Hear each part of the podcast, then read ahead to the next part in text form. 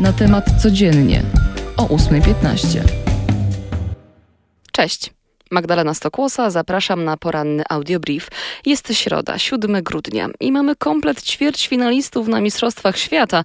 Anglia, Argentyna, Brazylia, Chorwacja, Francja, Holandia, Maroko oraz Portugalia. To osiem drużyn, które zostały w walce o tytuł piłkarskiego Mistrza Świata. Cztery z nich już wygrywały mundiale, trzy mają na koncie medale, a jedna to czarny koń i zupełny nowicjusz na tym etapie rozgrywek. I to właśnie o tym, co wczoraj zrobiło Maroko, dziś rozpisuje się cały świat sportu no i zasłużenie, bo to ich pierwszy awans do ćwierćfinału. Po 120 minutach bezbramkowego remisu rozpoczęły się rzuty karne i wróciła klątwa Hiszpanów. Faworyci nie strzelili ani jednego rzutu, dwa obronił Bono, a jeden poleciał na słupek. Z kolei w drugim meczu zamykającym fazę 1-8 finału Portugalia no, przypieczętowała swoją potęgę i rozgromiła Szwajcarię aż 6 do 1.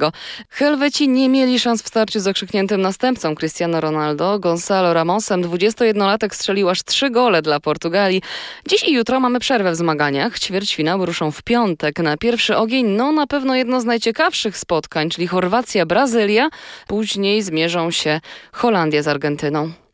Jak się okazuje, nie tylko kobieta zmienną jest. Polski rząd znów ma inne zdanie i jednak wyrzutnie Patriot będą bronić polskiego nieba. Poinformował o tym wczoraj wieczorem minister obrony narodowej Mariusz Błaszczak. Po rozmowie ze swoim niemieckim odpowiednikiem podał, że nasz kraj przystępuje do roboczych ustaleń w sprawie umieszczenia patriotów w Polsce i wpięcia ich w nasz system dowodzenia.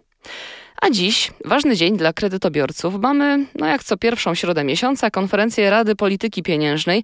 Dziś ostatni raz w tym roku dowiemy się, czy stopy procentowe zostaną na tym samym poziomie.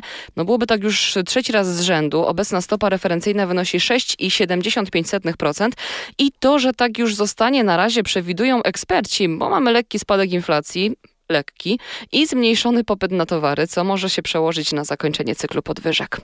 Essa została młodzieżowym słowem roku 2022.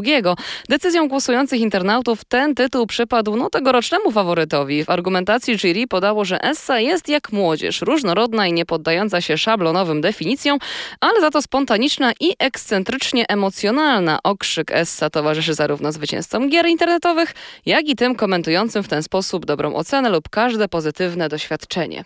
Essą można się też pozdrawiać, witać lub żegnać. Essa z tobą. Przenosimy się do słonecznej Italii.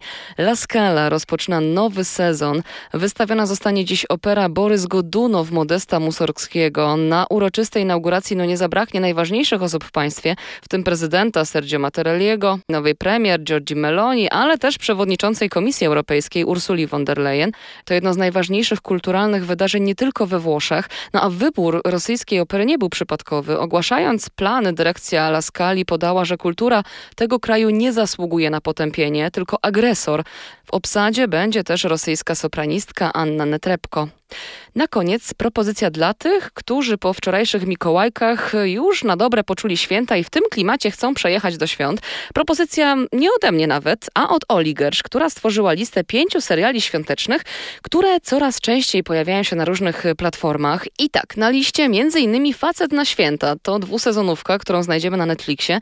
I ta nietypowa propozycja może spodobać się nie tylko singlom i singielkom, ale ci myślę, że znajdą wiele wspólnego z główną bohaterką, zmęczoną tymi samymi pytaniami co święta o to, kiedy w końcu znajdzie sobie kawalera. Uroku dodaje tutaj piękna zimowa sceneria Norwegii, a po więcej takich propozycji odsyłam Was na naszą stronę główną, do materiału Oligerz oczywiście i do zakładki filmy i seriale. I na tym kończymy. Magdalena Stokłosa. No co, Essa z Wami. Do jutra, cześć.